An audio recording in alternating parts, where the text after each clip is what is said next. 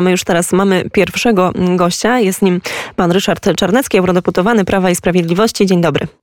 Połączyliśmy się z Turcją, z Ankarą, bo wiemy, że e, poseł Ryszard Czarnecki właśnie odwiedził Turcję. Nie wiem, czy teraz. Teraz powinniśmy się już słyszeć. Dzień dobry, słyszę, panie pośle. Słyszę o, wspaniale. Witam panią. Potwierdzam, jestem oficjalną wizytą e, w Ankarze, stolicy Turcji, jako e, przewodniczący EU Turkey Friendship Group. Właśnie zakończyłem spotkanie z ministrem sportu i daje się na spotkanie z wiceministrem, pierwszym wiceministrem spraw zagranicznych, panem Kajmakci. No właśnie, panie pośle, ale my nie będziemy o tych relacjach pomiędzy Turcją a Unią Europejską dziś e, rozmawiać. E, będziemy rozmawiać o relacjach pomiędzy Polską a Unią Europejską, ale najpierw e, zaczniemy od sytuacji na polsko-białoruskiej granicy. To taka informacja w sumie z, można powiedzieć, ostatnich kilku godzin. Mianowicie, że białoruska milicja zatrzymała w Grodnie grupę, sporą grupę, bo tu 24 migrantów z, z Iraku i mają oni zostać odesłani mm, do swojego kraju. Czy myśli pan, że Aleksander Łukaszenka, Białoruś przestraszyła się może tych sankcji, które grożą i które są nakładane przez Unię Europejską i zmienia taktykę?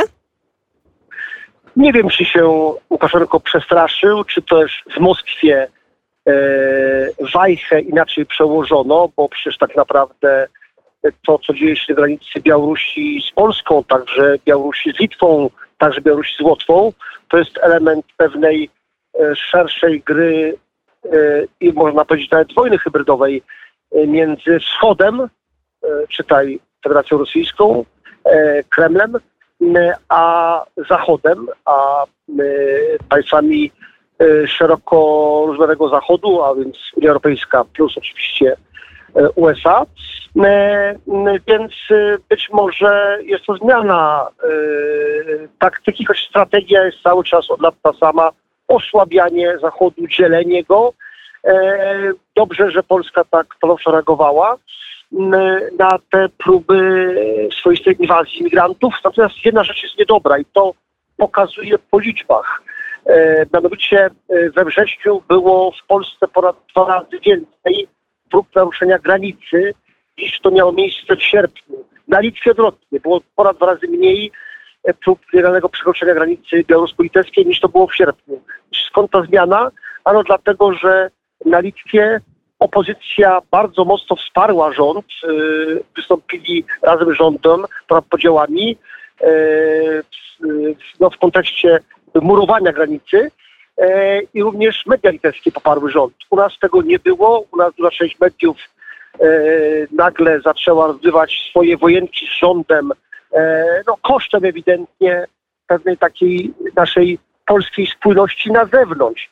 I myślę, że właśnie dlatego tą e, falę migrantów przekierowano, dlatego było ich dwa razy więcej E, na granicy białorusko-polskiej niż, I panie niż, pośle, niż e, wcześniej. I panie pośle, jak tak spojrzymy na działania opozycji i na ten spór pomiędzy Polską a Unią Europejską, to chyba możemy e, dojść do podobnych wniosków, jeżeli chodzi także na, na te reakcje właśnie poza, poza naszymi granicami, ale teraz już właśnie przejdźmy do Unii Europejskiej. Wiemy, że we wtorek rano w Parlamencie Europejskim w Strasburgu ma odbyć się taka duża debata na temat Polski. Wiemy, że udział już potwierdził premier Mateusz Morawiecki. Czy pańskim zdaniem uda się dojść do jakiegoś porozumienia, czy może powinniśmy się liczyć z dalszą eskalacją tego sporu?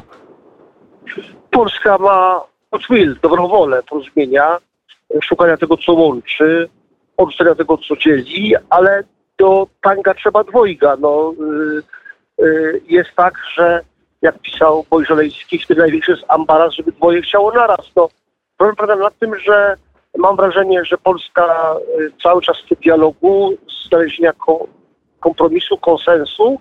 E, po drugiej stronie tej woli nie ma. No i takim symbolem e, braku dobrej woli po, po stronie Brukseli jest to, e, że sytuacja, którą widziałem wielokrotnie na, na, na własne oczy w Parlamencie Europejskim, w czasie debaty na Polski, odpowiedzialny wtedy za, za tę sprawę, za tę działkę, komisarz Franz Timmermans, jak zaczynali mówić europosłowie z Polski, konkretnie z partii rządzącej, Prawa Sprawiedliwości, to zdejmował słuchawki i ich nie, nie, po prostu nie słuchał, bo on wiedział lepiej. No to jest taki ten symbol. E, tak, chcemy porozumienia z Unią, nie chcemy żadnej wojny, natomiast oczywiście będziemy cały czas bronić naszych interesów e, i na pewno tutaj nie będziemy cofać się w kwestiach fundamentalnych, w kwestiach dotyczących rozwiązań szczegółowych, technicznych oczywiście możliwość kompromisu istnieje. Panie pośle, jeżeli przyjmiemy taki scenariusz, że jednak nie uda nam się dojść do tego porozumienia, który też jest dosyć prawdopodobny, jak obserwujemy eskalację tego sporu, to pytanie, co dalej? Jeżeli Komisja Europejska wstrzyma po prostu dla nas pieniądze na, reali na realizację Krajowego Planu Odbudowy, co powinniśmy wtedy zrobić? Jakie mamy alternatywy? Jakie są możliwe scenariusze? No i może tak bardzo konkretnie powiem, że, że Recovery czyli Fundusz Odbudowy, składa się z dwóch kranów finansowych. Jeden to są pożyczki, a drugi to są pieniądze, środki bezzwrotne. Jeśli chodzi o pożyczki, e, Unia Europejska mm, e, ma są bardzo dobre ratingi finansowe. E, te pieniądze pożyczyła na, na bardzo niski procent, ale żeby je mogła pożyczyć, była potrzebna zgoda także Polski. Więc no, ja mówię wprost, że sytuacja, w której a, dzięki także polskiemu poparciu polskiej akceptacji, polskiej zgodzie Unia Europejska otrzymuje znaczące pieniądze na te pożyczki często wieloletnie, długoletnie, e, a potem nie jest beneficjentem, no to jest rzecz nieprawdopodobna. E, e, w to się nie chce wierzyć, że tak się stanie. Tak się nie stanie. Nie jest kwestią czy, tylko kwestią raczej kiedy te pieniądze otrzymamy. I tutaj uważam, że w sytuacji, kiedy coraz więcej głosów w samej Unii, to ze strony entuzjastów, jest taki, że no jednak y, trzeba przestać się wygłupiać. Y, Unia zawęża sobie pole manewru. Nie sądzę, żeby y, cały czas eksponowała tą taką bardzo twardą retorykę i y, zapala czerwone światło na, na te pieniądze nie dla Polski. Zwracam uwagę, że nawet no, media uznawane za takie euroentuzjastyczne, nawet często Polsce niechętne, jak niemiecki Frankfurt Allgemeine Zeitung, niemiecki Die Welt, jak politycy typu Michel Barnier, e, bądź co bądź przez lata komisarz w Komisji Europejskiej, w Francji, francuski minister spraw zagranicznych, negocjator Brexitu, e, warunków Brexitu w imieniu Unii Europejskiej, Komisji Europejskiej. Nawet on przecież i te niemieckie media no, mówią, że, że jednak to Polska ma rację w kontekście wyroku Trybunału Konstytucyjnego w Polsce, czy jego orzeczenia. E, wręcz Michel Barnier mówił, że jak nic nie zmienimy, to będą dalsze Brexity. Tak? Więc jakby pewna taka refleksja po stronie unijnej się się rodzi, to nawet wśród polityków od nas odległych, no jeżeli był minister gospodarki Francji, Arbał e, Montebourg, który jest kandydatem na prezydenta Francji ze strony socjalistów. Nawet on przyznaje Polsce rację, mówiąc, że, że oczywiście Francja nie podziela tych, tych orientacji politycznych, które ma Polska, no ale jednak co do zasady to Polska ma rację. E, Bądź reakcja w Unii Europejskiej to jest pewna nadzieja. Panie pośle, wiem, że musi pan pędzić dalej, więc już żeby nie zatrzymywać, proszę jeszcze powiedzieć słuchaczom Radia Wnet, jaki klimat, jaka pogoda jest teraz w Ankarze. No pogoda, y, mogę chodzić w samym garniturze, po, między, przemieszczając się między jednym ministerstwem a, a drugim.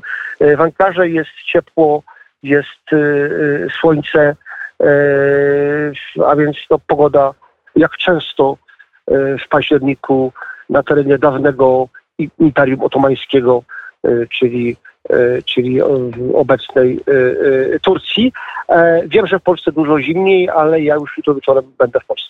No właśnie, to niech pan może trochę tego słońca do Polski przywiezie. Nie wiedziałam, czy do Polski, czy do Brukseli, czy do Strasburga, ale skoro do Polski Najpierw to... Bruksela, potem, potem, potem, potem, potem Warszawa, w poniedziałek znowu wylot do Strasburga na sesję Europarlamentu, a w czwartek do Uzbekistanu na wybory prezydenckie. Będę tam oficjalny obserwator z ramienia Parlamentu Europejskiego cały czas w ruchu. Gościem Radia Wnet był eurodeputowany Prawa i Sprawiedliwości Ryszard Czarnecki. Bardzo dziękuję za rozmowę. Dziękuję bardzo, kłaniam się miłego dnia dla, dla Pani i dla słuchaczy Radia.